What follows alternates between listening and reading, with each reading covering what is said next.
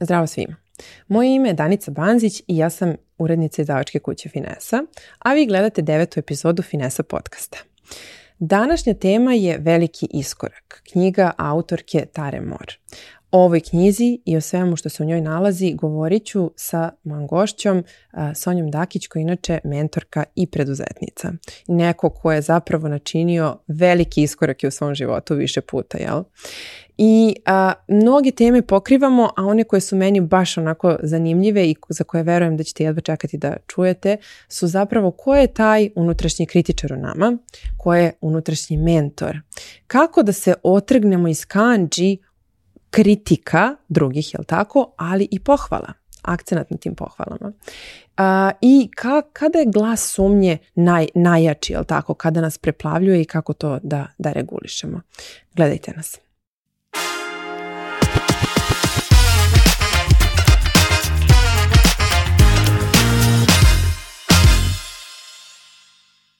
Kao neko ko je načinio veliki iskorak, da li si doživljavala situaciju u kojima si sumnjala u sebe ili još gore od toga, to je onaj imposter sindrom gdje si osjećala da možda nisi dovoljna, nisi dovoljno kompetentna za nešto na svom recimo profesionalnom planu? Mislim da se to redovno dešava, ne, bez obzira koliko puta e, napravimo taj veliki iskorak. E, ono što je bitno i mislim da svako ko je pošao nekim putem ličnog razvoja e, jeste da shvatimo da je to normalan deo puta. Znači da mhm. svaki put kada idemo u nešto novo, to je deo prtljaga koji nosimo sa sobom mhm. i onda svaki sljedeći put bude lakše. Ja sam nekoliko puta pravila eh, veliki iskorak u svom životu što na privatnom, što na poslovnom planu. Uh, prvi možda mi je bio uh, najteži, ali mi je to posle bila matrica da prepoznam i da čak naučim da mu se na neki način radujem, da budem radoznala u smislu šta me čeka, da prepoznam da je normalno da osjetim strah, sumnju, e, sindrom varalice kako ga mi prepoznajemo i da mhm. shvatim da je to normalan deo mog puta razvoja, da je to iskustvo iz koga ću ja nešto naučiti i onda je to jedan razlog više da zakoračim zapravo. A kako je to izgledalo baš lično kod tebe? Pa moj čuveni primjer koji je onako, evo sad će devet godina, ovaj, mm-hmm. prošlo sljedeće godine deset, jeste taj poziv za TED, uh, TEDx konferenciju. Mhm. Eh, ja i dan danas, eto, iako je prošlo toliko vremena, znam uh, eh, gdje sam sedela u kancelariji, kako je to izgledalo bukvalno kada me prijateljica nazvala i rekla, e šta misliš o tome da za tri mjeseca u Beču kao izađeš pred hiljadu ljudi na engleskom jeziku kao održiš mhm. svoj TEDx govor. Mhm. Pritom ja u tom momentu to taj TEDx govor nisam imala ono ni na svoj bucket listi što bi ljudi rekli. Znači to mi mhm. nije bilo ni ono kao najluđi san koji bih mogla, da, pošto dosta ljudi ima to kao šta bi ti, ja mhm. bi voljela kad imam, ja, to nisam imala. I, I nekako meni je taj prvi moment je bio upravo taj imposter sindrom, ko si ti?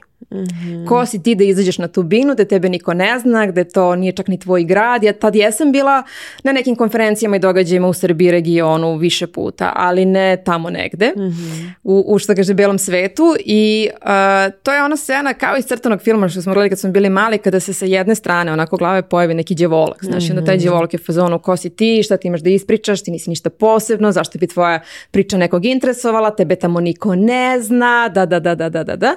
I sad se to tako slaže, slaže, slaže i onako kako, što kaže, kako je taj glas e, jači, tako se mi smanjujemo nekako u sebi. E, ali onda sa druge strane je došao onako taj jedan tiši unutrašnji glas koji je rekao, ali ovo je poziv koji ćeš dobiti samo jednom.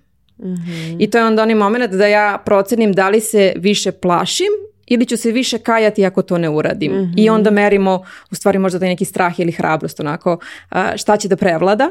I ove, ovaj, ja sam rekla ok, ako je ovo poziv koji ću dobiti jednom ovaj, u životu, ja bih ja hoću da ga prihvatim i da uradim sve što je potrebno da to prođe kako treba. I srećom imala sam dovoljno vremena, imala sam u okruženju ljude koji su mi direktno na, na različite načine pomogli, ali mislim taj trenutak i ja sam Tarinu knjigu čitala zapravo mnogo posle tog događaja, dve godine kasnije, E, tada sam ga prvi put prepoznala vrlo jasno. I onda jednom kad sam osvestila, aha, to je to, svaki sljedeći put kad bi se javilo prosto više nije imalo tu snagu. Prepoznala bi ga kao potvrdu da se nalazim na nekom iskustvu koje će mi biti značajno mhm. i bilo bi je ok, ja znam da sa druge strane postoji nešto zbog čega to treba da uradim. Tako da mm, to za mene jeste bio ogroman iskorak, neverovatno iskustvo i nekako kada sam tu onog, taj vrh osvojila, znaš, kao u hajkingu, ovaj, onda ti svaki sljedeći dolazi sve lakše i lakše. Onda shvatiš da je to deo puta koji tebe zapravo menja, čini hrabrijom, spremnijom i otvorenijom za takva, za takva iskustva. Znači to definitivno nije destinacija. Sad ja zamislim ja kao hoću da se rešim toga, te sumnje u sebe i došla sam do tog trenutka, prepoznala, rešila i kao završila sam s tim. Nego prosto to je proces i živim sa tim. To je bukvalno kao u hikingu, bilo ko koji ikada išao da kažem šeta prirodom i onda ti vidiš neko lepo mesto i kaže hajdemo na vidikovac, znači ćemo stignemo, onda se popneš na taj vidikovac i onda shvatiš da posle, pored njega ima još jedan mali, znaš, pa pored njega ima još jedan i shvatiš da je u stvari postoji jedan potpuno novi prelepi predeo koji ti možeš da osvojiš kada se popneš i vidiš kao aha šta je, naš, gde ja sad stvarno sve odavde mogu. Tako da ne, nikada nije jedan završen proces, to je jedno putovanje da kažem na koje se nalazimo. Tara Mor u ovoj knjizi koju ti generalno promovišeš veliki iskorak zapravo govori u nekom trenutku o tome kako treba da se otrgnemo iz kanđi kritike ali i pohvale i sad nedavno sam čitala knjigu Imati hrabrost i ne se drugima i kao filozof i mladić govore, razgovaraju i kaže, mislim long story short, kaže filozof da u suštini treba da se otrgnemo upravo iz tih kanđi pohvala zato što na taj način pridajemo, odnosno dajemo moć drugom da zapravo prosuđuje naše, na primjer, bilo što što smo postigli, aktivnosti, mm. šta god. I da u suštini toga upravo treba da se, da se rešimo, da ne stavljamo druge u poziciju moći u smislu sad ćeš ti meni reći e, super ti je ovo, odlično si uradila, sve to super ako se dešava na nekom površnom nivou, ali da mi ne treba da zapravo gladujemo za tom vrstom afirmacije kakvo je tvoje iskustvo i da li si ti uspjela zapravo da se otrgneš iz tih kanči? Pa mislim da je to prvo model koji mi e, ponesemo kroz školstvo. Znači mi smo navikli da e, budemo mirni na času, da sedimo mirno, da učimo, da uradimo domaće, da ćemo dobiti dobru ocenu. I to je šablon sa kojim smo mi otišli u svet u svijetu stvari drugačije funkcioniš. Prvo, nemaju svi ljudi dobru nameru u tom smislu. E, drugo, upravo ovo što si rekla, njihov e, komentar, feedback, bilo što, što dobijemo kao informaciju sa njihove strane je njihova perspektiva. Znači, oni nisu univerzalna istina kosmička o našim sposobnostima, talentima, veštinama i to je ono što kažem, koliko god nekada vam zvučalo nešto dobronamerno, uvek treba da uzmemo u obzir, ok, šta, ali šta je moja istina, kako se ja osjećam sa tim. I meni je tu recimo jako interesantna ona smernica koju ja koristim kada donosim neke odluke, kada dobijem neki poziv za nešto, znaš, da li je to moj unutrašnji osjećaj koji mene širi kao osobu i kao kažem aha ovo će biti nešto sjajno ili me sabija i onda kažem aha ali ako ovo prihvatim onda ću morati da uradim možda nešto što mi se ne radi ili će trajati mm duže nego mhm. znači na osnovu te fizičke manifestacije mi možemo da vidimo šta je naša istina. Tako da mislim da to E, oslobađanje od i kritike i pohvale je zapravo pronalaženje sopstvene istine i mislim da, ja mogu kažem iz iskustva ličnog iz žena, pošto većinski radim sa ženama, mislim da to kod nas dolazi sa nekim godinama sa nekim životnim iskustvom, ne samo na, uspjehom na karijernom putu, nego možda i kroz ostvarivanje, kroz uh, majčinstvo, znači kroz neke životne etape koje mi prevaziđemo kada prosto više drugi ljudi nemaju taj utjecaj na nas, nemaju toliki utjecaj na nas. Naš će uvek ljudi iz bliskog okruženja moći da, uh, kako da kažem, okinu, jer s njim imamo posebnu emotivnu vezu i oni znaju gde, gde da nas pogode ako žele. Mhm. Ali je pojenta da zaista onako izgradimo sebe i ne bih rekla da je to sad neki štit koji postavljamo, ali da znamo i da postavimo granice čije, znači čije komentare primamo i zašto nam oni služe. Znači meni je jako značajno kada recimo ja održim neku radionicu da od članova svog tima dobijem feedback, ali ja znam da ga oni daju na pravi način, da, su, da znaju kako da ga daju tako da ja zaista budem bolja. Iako me nekada nešto možda malo eh, zaboli ili ja to ne vidim, ja znam da je njihova namera dobra i da ja iz mhm. toga mogu da budem još bolje. Onda je moje pitanje, znači moje, da kažem, moja odluka je šta ću ja sa tim. Mhm. Ali je pojenta da se ne kačimo na sve što neko usput kaže i da poverujemo da je to istina. Znači, na taj način sebe slabimo. Ti si mama jedne tinejdžerke. Kako bi nju naučila recimo, pogotovo u kontekstu današnjeg odrastanja i društva i svega mm. što ono danas nosi, kako bi nju naučila u suštini da se otrgne iz kanđi pohvala, da zapravo ne zavisi od toga šta će vršnjačko, šta će vršnjaci zapravo da, da joj daju kao feedback na neko ponašanje koje možda uopšte za nju nije dobro. Kako bi, kako, kako bi ti nju savjetovao? da, to je odlično pitanje. ne znam da li imam ono prepametan odgovor na to, ali mislim da upravo to osvješćivanjem njene ličnosti, šta su njeni talenti, da je ok da bude drugačija, da je ok da želi drugačije stvari, da sluša drugačiju muziku. Znači da to mhm. neko otkrivanje zaista i mislim meni je to sad Kako setim tih nekih mladih godina, meni je to došlo kroz dosta introspekcije, znači pisanje dnevnika, čitanje knjiga, provođenje vremena sami sa sobom. Znači mhm. kada smo u stanju da sedimo sami sa sobom, to znači da smo mi ok. Znači da mhm. ono što kaže da smo u miru sa svojim mislima, osjećanjima, da negde, da nam je prijatno da budemo sami sa sobom. Ako tu mhm. postoji već neki konflikt, znači eto ga polje za rad. Tako da ono što ja i podržavam ove, ovaj, nju kroz te onako turbulentne godine jeste da stvarno se posveti nekim aktivnostima u kojima ona uživa, čak i ako njeno društvo nije u tom fazonu. Znači da istraži svoje talente, da istraži šta je to što njoj prija, bez obzira šta okolina kaže. I to je jako teško u tim godinama. Da. Mislim da čak i u kasnijim 20. godinama smo i dalje skloni, da kažem, tim nekom uklapanju i eto, kod mene je to negdje bilo možda tek sa 30-35 kada zapravo osvešćam ko sam ja, koje su moje vrijednosti, šta ja želim, kako ja želim da moj život izgleda. Ja bih voljela da to danas uspijem njima da mnogo ranije da prenesem. Jel poželiš nekada si sama to pre, pre te 30. zapravo. Apsolutno, apsolutno. Ali što kažem, možda prosto i te godine nose neku zrelost. Ove, ali mislim da danas deca ipak eh, isto što imaju više izazova, više informacija, tako možda imaju više mogućnosti da to ranije ovaj, ispoznaju. Da, ali možda bi zapravo i bilo najbolje da ih naučimo ovo što si rekla, o to mi se baš dopada. U suštini kako da budeš sam sa sobom, jer mhm. ona sada već floskula poznata je da sva muka današnjeg čoveka jeste upravo zbog te nesposobnosti da ostanemo aman ni 10 minuta, sat vremena sam sa sobom u jednoj prostoriji, ono kao kutiću, Šta, šta da radim? Šta sad? Šta sad? Gde mi je telefon? Čekaj mhm. Instagram. Ajde vidim, možda nisam odgovorila neki mail. Uvek je mhm. uvek nešto. Da, uvek je neki gas, ali A zapravo znaš ideje, koncepti, nama sve to dolazi u toj tiši u tom trenutku kada mi pustimo da sve stane, ja znam, ne znam, vezano i za moj mentorski program i za bilo šta, za kao post koji ću da napišem na Instagramu, najbolje stvari su mi dolazile to kad sednem, smirim se, da kažem, onda to dođe od negde, ali bukvalno kao da ga downloaduješ kao fajl ali je za to potrebna tišina, za to je potreban prostor koji ćemo mi da oslobodimo svih suvišnih informacija, tuđeg mišljenja, znači svega onog čime smo mi danas generalno preplavljeni mm da. Znači ti nađeš vremena za sebe, s obzirom da znam kako je tvoja dinamika, kako živiš, šta sve radiš. E, trudim se. Evo sad baš pre nego što se kameru ovaj, upale, pričali smo o tome kako planiram odmor od odmora. Mhm. ovaj, deca su se odmorila. Da, deca su se lepo provela, a mi idemo malo da se odmorimo, ali e, mislim da da, to je deo neke moje svesne odluke, da kažem, koje onako ja volim kada kada pravim neki godišnji plan, ja volim prvo te odmore da isplaniram jer znam da su mi potrebni kao neko ko, između ostalog osjećam i odgovornost kao neko ko e, radi sa drugim ljudima, koje je podrška na nekom razvoju njihovih ideja, njihovih ličnih, da kažemo, ovaj, promjene njihovim životima, eh, ja negdje osjećam odgovornost da ja sa sobom budem ono što kaže u miru, da znam šta radim, da znam da idem, znači to je nešto što je meni potrebno da punim baterije. Sad ja, ja sam kao neki introvert uvek i ja volim da provodim vreme sama sa sobom, znači ovaj, za razliku od mog muža koji je potpuno drugačiji, onda on dođe na more i kaže mogli bi se upoznamo s nekim, ja sam fazono zašto? tako ja u parkiću, Ko zašto, zašto nam neko treba, kao ovo je super, tako da i to je dobro da znaš, što kaže, koji si tip, znaš, mislim, ja imam predivne prijatelje, obožavam da provodim vreme s njima, ali jako puno sam u kontaktu s ljudima, svakodnevnom dobro, i onda ta tišina, taj mir, to vreme da čitam knjigu, meni je to najlepši poklon, da kažem, koji sebi mogu da dam. Da.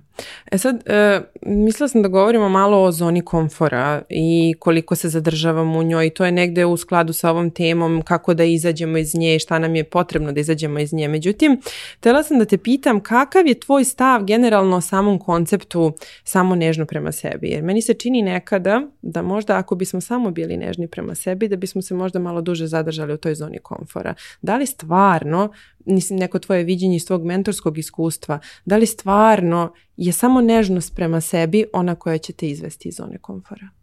Ne za svakog i ne uvek. E, ja volim jako koncept samo nežno prema sebi i ceo rad, da kažem, koji je Ana postila oko toga i mislim da nam treba na puno polja e, više nežnosti, kako prema sebi, tako i prema drugima. Mislim da mi kao društvo ne znamo e, ne poznajemo dovoljno ni empatiju ni saosećajnost kako god da to komuniciramo, ali u tom kontekstu ako bi pričali o nekim samo o sebi, na tom, na tom ličnom iskoracima, nekim da. momentima ono kako bi rekli baš promene nekada neko treba da ti, ne, znaš nekim ljudima, i meni je to nekada bilo da ti neko izazove. To je kad ti neko nešto kaže i ti si na prvi trenutak ono kao iritirate, ali onda malo uđeš u to, znaš, i nekada upravo ta iritacija napravi taj korak koji treba kada se probudi onaj inat. I mhm. nekada je inat zapravo sila koja će nas pomeriti, znaš. Tako da mislim da kada smo preplavljeni, kada doživljamo taj ono sidrom sagorevanja ili bilo čega, tada je samo nežno prema sebi sjajna, uh, sjajan način kako možemo da se zalačimo i da vidimo šta nam je stvarno potrebno. Ali isto tako kada nas nešto žulja, kada osjećamo da nešto može bolje, da nešto može više, e onda sami ili uz nečiju podršku u stvari dobijemo taj podstrek ili ti neko samo pokaže ti budeš, ili ti neko kaže ne možeš i ti budeš u fazonu sad ćeš da vidiš. Znaš, tako da mhm. zavisi ni mi kao ljudi nismo svi motivisani na isti način. Znaš, to sad ima, ono, možemo da proširimo tu priču, ali poenta je i da umemo da prepoznamo šta je to što nas pokreće i da, da vidimo što to za nas radi. Znači, i kada mi je potrebno nežnost, a kada mi je potrebno da, znaš, kažem, e, dosta je bilo dosta je bilo. Sad ćemo, jer nekako ja, kako ja definišem taj veliki iskorak, on je odluka plus akcija. Znači, odluka koju donesem da nešto hoću i akcija koju ću da sprovedem. Ne može biti pasivna, znači on mora biti, zato ima taj, taj korak. Mhm a da li ti imaš momente kad tačno podvučeš i kažeš ok, sada treba da budem nežna prema sebi, sada treba da... Trudim se da ih prepoznam.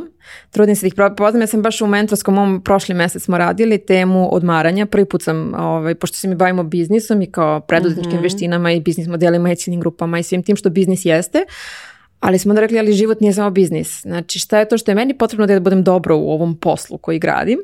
I onda smo pričali upravo o tome, uh, o, o sindromu burnouta, o odmaranju i onda se na to nastavlja upravo tema velikog iskoraka koji radimo sa unutrašnjim kritičarem, unutrašnjom mudrošću i to nam je zapravo priprema za marketing i prodaju. Ja bez toga ne radim. Znači, meni je to uvod da bi se sutra neko pojavio i zastao iza svoje ideje i ne znam, snimio se za Instagram, otišao neku konferenciju, predstavio se nekom i rekao, vidi, ja radim ovo, šta mi misliš.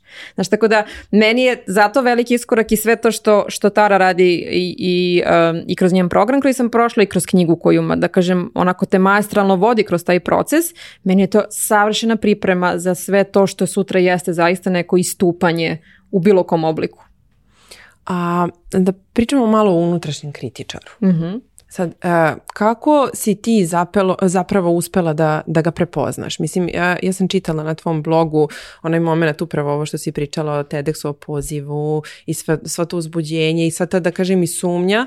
I onda u nekom trenutku kažeš... E, knjigu sam čitala dve godine kasnije i onda si u retrospektivi mogla da sagledaš i da zapravo uvidiš tog svog unutrašnjeg kritičara.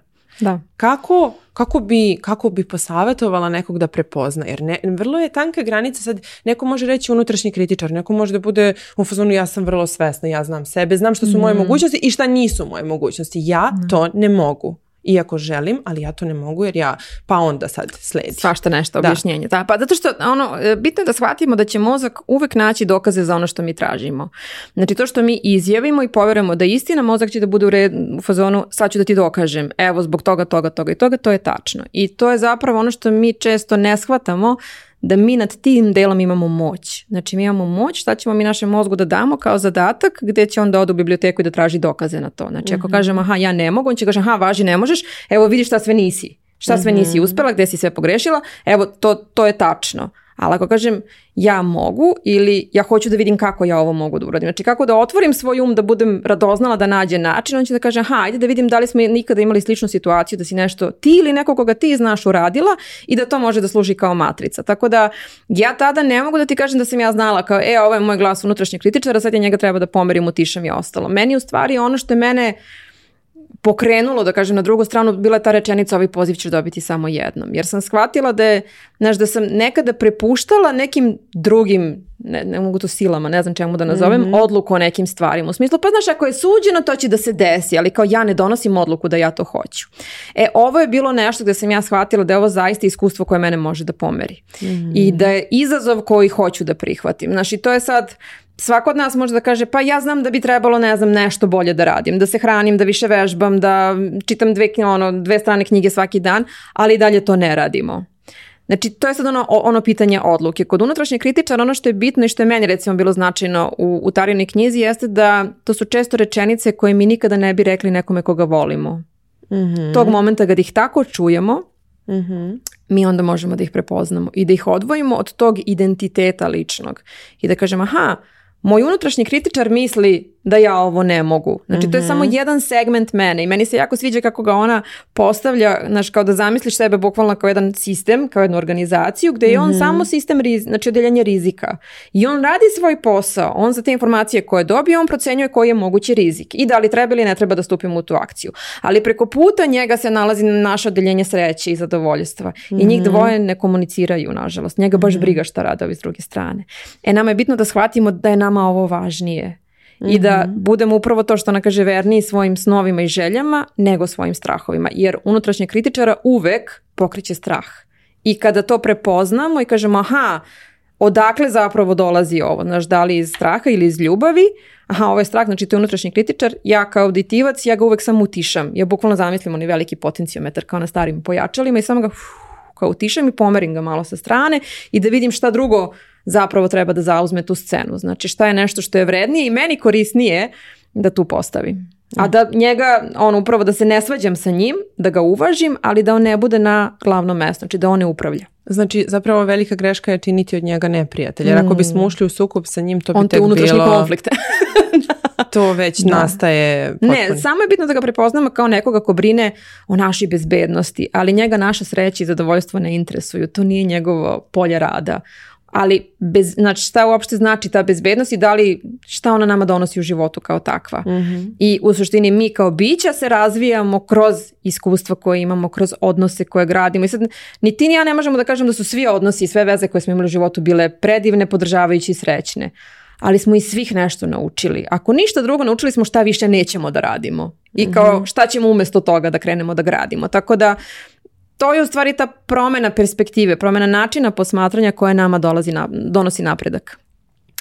Kad smo kod toga, ok, na poslovnom planu, ali recimo i na ličnom planu e, danas smo svedoci sve češće tako nekih nemilih događaja i situacija iz koje žena izlaze i stupaju kao što je nasilje u porodici i stupaju i glasno govore u odsustvu podrške od strane sistema, zakona države, dakle gde glasno govore o tome i zapravo u prilog stavljaju neke druge dokaze kako su bile zapravo tretirane. Ako ovako veliki broj žena danas izlazi sa tom temom, koliki je broj onih koje zapravo ćute i dalje to trpe i čini mi se, ne čini mi se, nego svakako da će unutrašnji kritičar tako nešto podržati zapravo u smislu upravo i straha mhm. od istupanja. Mislim, samo da zamislimo, evo sad smo imali primjer e, Nade Grujičić koja je izašla pred javnost, Danila, ona je jadna već i pre godinu dana pokušavala, mhm. pozivala u pomoć uh, institucije, ali to zapravo nije zaživelo. I tek istupanjem iz svoje zone komfora ogromnim iskorakom, stavljanjem i sebe iz nasilnika pod reflektor, ona je zapravo uspela da dobije neku podršku, neku validaciju i možda da načini neku promenu. Mm. Kako je tvoje viđenje cijele, kako, kako bi ti dala podršku drugim ženama koje zapravo imaju preglasnog unutrašnjeg kritičara u takvim odnosima? Kako bi im dala podršku? Šta bi im rekla?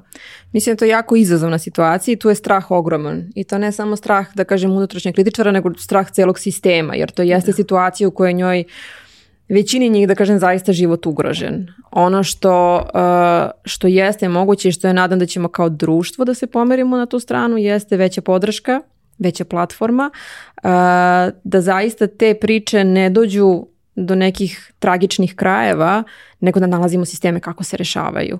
I e, ja zaista skidam onako kapu svakoj ženi koja je istupila i time opet sebe ne samo izložila, nego e, da kažem zaista onako hrabrost je ogromna potrebna za takav jedan iskorak. Jeste, pre svega zato što se plaši, čini mi se da se takva žena plaši od osude, jer svaka treća će reći, puh, meni da je prvi put stisnuo ruku, ja bih rekla i otišla. Svi smo da mi, ono pametni, da, svi smo mi pametni za tuđe probleme, ali mislim da to, to je ono, da se vraćamo malo na početak razgovora, nama kao društvu fali empatije, znači razumevanja. Znači mi imamo tu moć da kad se nešto jako veliko strašno desi, mi na trenutak kao svi se povežemo u nekoj kolektivnoj empatiji, ali treći, četvrti dan posle toga nas život odvuče i mi dalje kažemo a to su sitni znaci pažnje.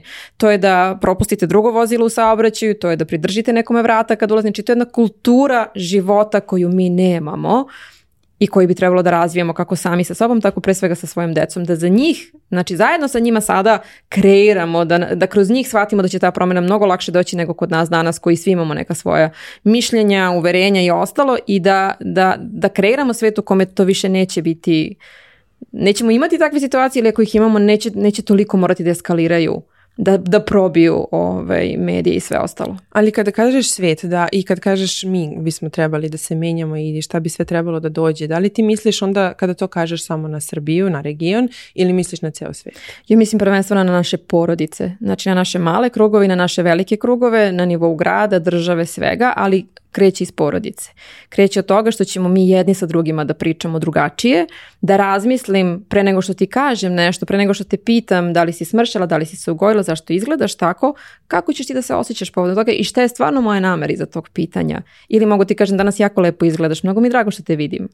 To su promene koje dugoročno prave razliku. Znači, nasilje rađa nasilje i mi često na nasilje opet reagujemo nasiljem jer ne znamo šta drugo da radimo, nemamo sistemski ovaj, podršku, mm, podršku i, i neki način rješavanja toga. Tako da mislim kada se naš, prvo kada razmislimo pre nego što okačimo neki komentar na društvenoj mreži kako će neko zbog toga da se osjeća, to je možda prvi korak, a onda da mhm. vidimo šta ja mogu da uradim povodom ovoga. Znači šta mhm. ja kao možda neki svedok situacije, kao neko ko možda nešto zna, mogu da uradim drugačije da ta osoba ne dođe, jer to je nečija sestra, nečija čerka, nečija žena, nečija prijateljica. I kao što mi, svako od nas u svom okruženju zna nekoga ko je obola od kancera, tako najčešće imamo i nekoga koji je imao nekakvo iskustvo sa nasiljem nekog tipa, da li u školi, da li kasnije na, u poslovnom okruženju, da li u odnosu, znači to je prosto naša realnost i mislim treba da postanemo svesni i da te priče ne budu samo dva dana uh, aktuelne, nego da kažemo ok, šta stvarno s ovim može se Znači mi s jedne strane imamo neke kao dobre zakone, ali se opet i zakoni ne sprovode. Znači šta je neka sistemska promena, imamo sigurne kuće, imamo neke stvari za koje možemo kažemo evo mi smo to tako probali da rešimo, ali isto tako statistika pokazuje da je sve gore i gore. Da, nažalost je tako. Tako da neki zaključak bi bio u suštini da ako možemo da utičemo na, na nešto, onda da utičemo na svoje najneposrednije okruženje i da na taj način možda činimo mali doprinos tome da se ovakve mislim, Da, mislim da je upe, uvek, uvek vraćanje na tu ličnu odgovornost to je šta, koji ja razgovor treba sa svojim decom danas da obavim da se da, da se pobrinem da se to u budućnosti ne, na, na koji oni mogu da imaju uticaj. Meni je recimo bilo značajno kada je, se desilo sve što se desilo ovaj, 3. maja, izašao je jedan odličan tekst koji je rekao da se deca delu u četiri grupe, uh, posmatrači, pomagači, žrtve i nasilnici. I ne sećam se tko je pisao tekst, stručno lice je bilo u pitanju. Meni je to bilo jako interesantno jer sam imala da sela da pričam sa svojom decom o tome. Da naslutiš des. Da naslutim ko, znači šta je. Jer on je rekao, znači posmatrači nikada neće prijaviti. Oni su znači pasivni da kažem, pomagači su ti, nama treba zapravo više pomagača. To su ona deca koja veruju da mogu svojim akcijama da nešto promene, da mogu da prijave kada vide da neko u problemu, da mogu da odreaguju i da pomognu direktno. Znači, to je ono što mi kao društvo treba da se nagnemo i da se zapitamo, aha, znači ne mogu da menjam, ne znam, možda ono celu državu, ali sigurno da mogu u okviru svoje porodice i svojih prijatelja da se zapitam ko su ti ljudi u mom okruženju i kako da ih možda od posmatrača napravimo u pomagače. Dobro. Pored unutrašnjeg kritičara, a, govori se o knjizi i o unutrašnjem mentoru. Ko je unutrašnji mentor Sonja Dakići? Kako izgleda? Mislim, e, u knjizi postoji jedna fantastična vežba mm vizualizacije gdje zapravo treba da se sretnemo sa svojim unutrašnjim e, mentorom. Kako izgleda i ko je i šta radi unutrašnji mentor Sonja Taki?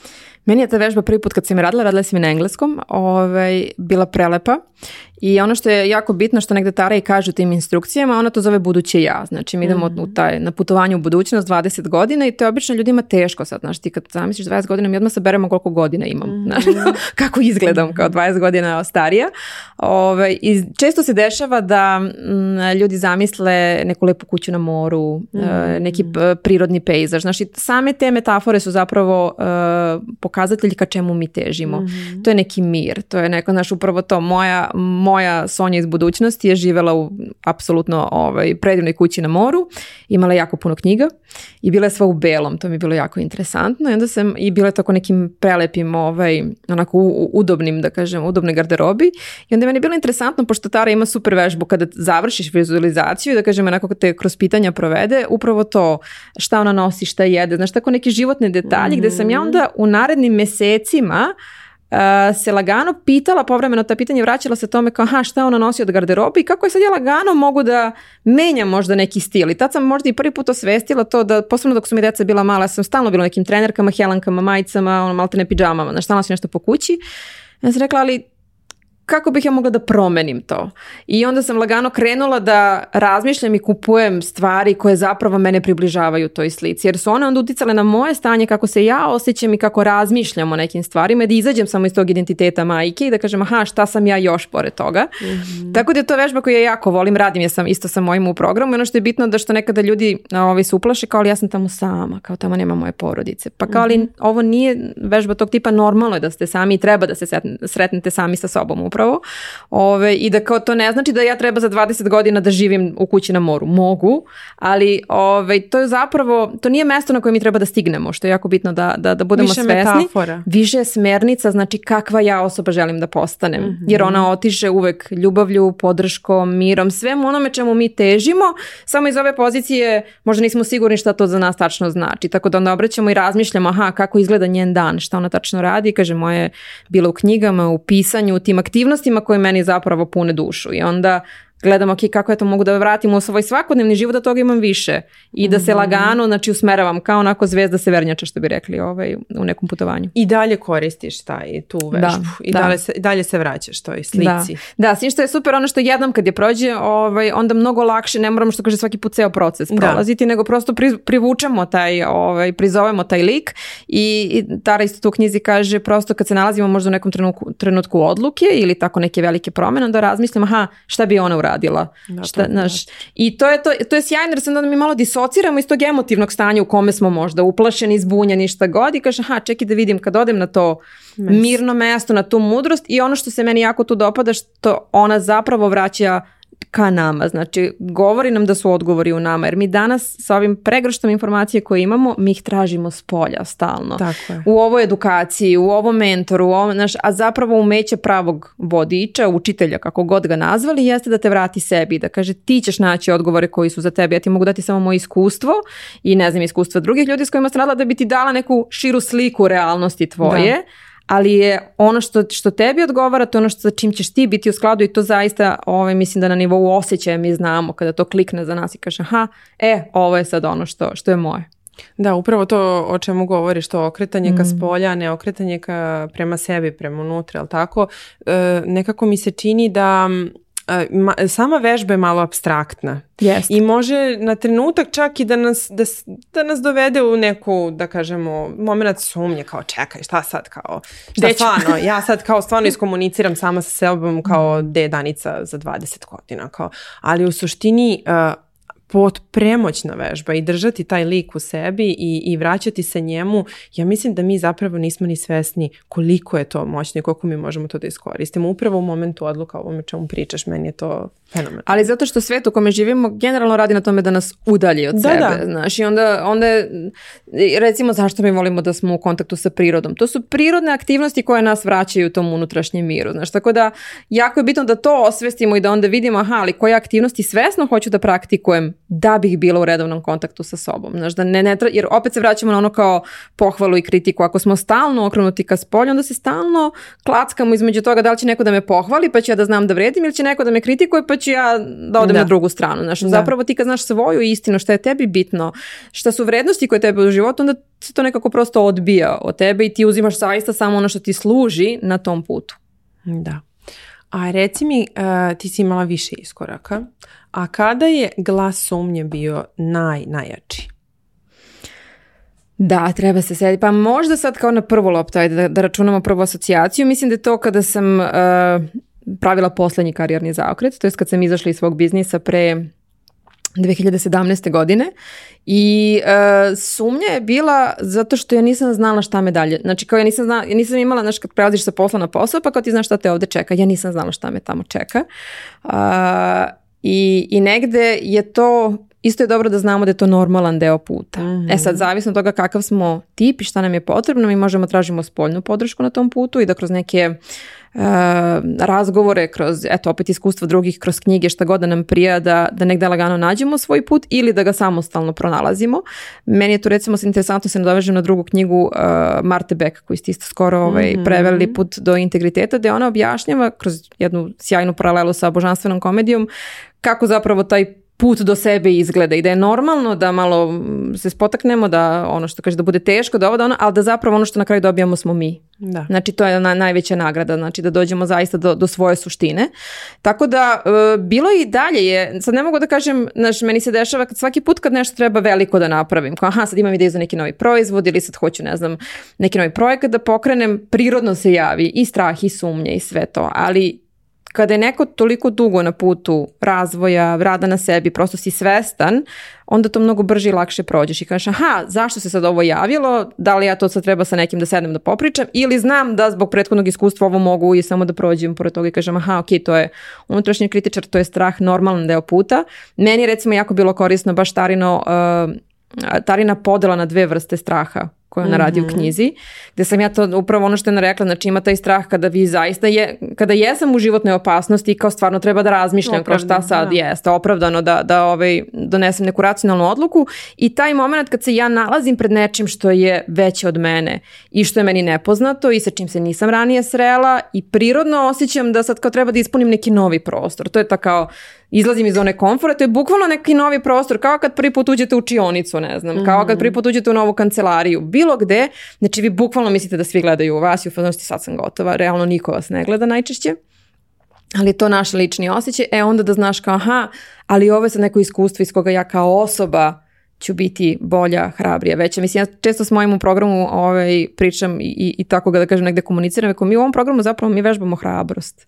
Mi vežbamo to da probamo, pogrešimo, idemo dalje, da pitamo, da tražimo. Znači, to je to jer hrabrost i bukvalno kad ga posmatrate ono kao mišić, onda shvatite na tome treba da radim. Aha, mhm. hoću da imam takvo telo i ne znam šta, hoću da budem hrabrija, super, ovo su stvari koje treba da uradim mhm. na tom putu. I onda to prihvatiš kao normalan deo. Da, znači hrabrost može da se vežba. Može i treba. Treba. A, Apsolutno. Da li polaznice tvojih programa uvežbaju hrabrost i da li e, generalno uspeju da ojačaju svog unutrašnjeg mentora? One koje se pojavljuju, da. Opet se vraćamo na ono što je iskorak. Iskorak je odluka i akcija. Znači one koje su tu, koje se pojavljuju, koje pitaju, one uvek naprave najveći pomak. E, meni je interesantno, pošto mi radimo na tom kao razvoju preduzetničkih veština i puno toga se bavimo što se tiče, da kažem, biznisa, ali i ovom aspektu ličnog razvoja i načina razmišljanja kada u feedbacku na kraju, ovoj nekoj finalnoj evaluaciji, kada kažu meni je ovaj program promenio život za mene je to najveći utjecaj koji možemo zaista. Znaš, jer kažem, na kraju taj biznis je samo posao koji radimo i ta ideja možda sutra neće biti tržišno održiva, možda će neki trend koji smo krenuli proći, znaš, možda ćemo prosto se pomeriti na neku drugu stranu, ali kada ti uspeš da dopreš do čoveka i da učiniš da on kao ličnost postane bolja, hrabrija, osjećajnija, da gradi bolje odnose u svom bliskom okruženju, sa svojim decom, sa svojim partnerom, onda je to prava stvar. Onda je, da kažem, taj biznis nešto samo što će, neka sporedna stvar kojom, ovaj, koja će se namestiti, ali je to onda zaista prilika da da napravimo nešto mnogo bolje. U suštini to je i dalje potvrda toga da biznis apsolutno je isprepletan sa, Uvek. sa našim personalnim ličnim životom i prema tome mora da bude... Ako gradimo, da, biznis koji zaista želimo da ostvari neki pozitivan i da napravi neku lepu promenu, ako ne pravimo što kaže biznis samo radi nekog čistog profita, onda je to mm, fenomenalna platforma za lični razvoj. Dobro. A reci mi, e, Sonja, šta, koja je tebe, koja je inspiracija sada, recimo, u posljednjih nedelju dana, deset dana? Jesi imala neko, ne mora uopšte da bude neko iz neposrednog okruženja, može da bude bukvalno i neko sa TV-a, možda bude celebrity, možda bude bilo ko. Kakvo pitanje? Pa nemam, e, nemam toliko uzore. Volim, volim, jako volim da čitam biografije, volim da gledam filmove koji su napravljeni po istinitim događajima, volim e, realne ljudi i njihove priče. Mislim da zato puno slušam podcaste gde, gde ljudi dele svoje iskustva, isto tako kako preduznička, tako i životna, jer nekako to mi je realna priča, znaš, i Recimo Glennon Doyle ima, ima taj kao hashtag we can do hard things i onda ona kroz svoje iskustvo života i kroz neke potpuno lude događaje da kažem koji, koji su ga činili uh, čitajući to ti si u fazonu pa dobro ako je ona to mogla onda mogu ja svojim djeđem na kraj što je moje. Znaš, tako da mhm. meni zapravo te razne tuđe priče onako daju podstrek i imam neke ljude koji su meni onako baš bili značajni i pomogli mi da moju neku mapu proširim. Znaš, meni je recimo bilo uvijek um, ideja kao že, uspešnih žena, to mi je bio jedan tako modalitet u koji se nekako nisam uklapala. Znaš, nekako nisam sebe vidjela jer, jer je bila jedna slika koju sam zapravo kreirala opet iz nekih spoljnih utjecaja. Mhm. Ali onda kad sam imala prilike da se sretnem sa nekim uspješnim ženama koje su drugačije, ja sam ja bih mogla da budem tako uspešna. Znaš, to je kao sad u skladu, kojima je eto taj neki društveni utjecaj bitan, koje rade nešto za dobrobit drugih. Znači, koje prosto vode neke slične vrednosti, e onda je to nešto s čim se poravnamo. Tako da, sad mi ne pada na pamet da izdvojim jednu osobu, ali se trudim da, ove, ovaj, da inspiraciju nalazim u, u, u pravim, da kažem, živim ljudima. A šta čita Sonja Dakić? Trenutno. sada, da, knjiga.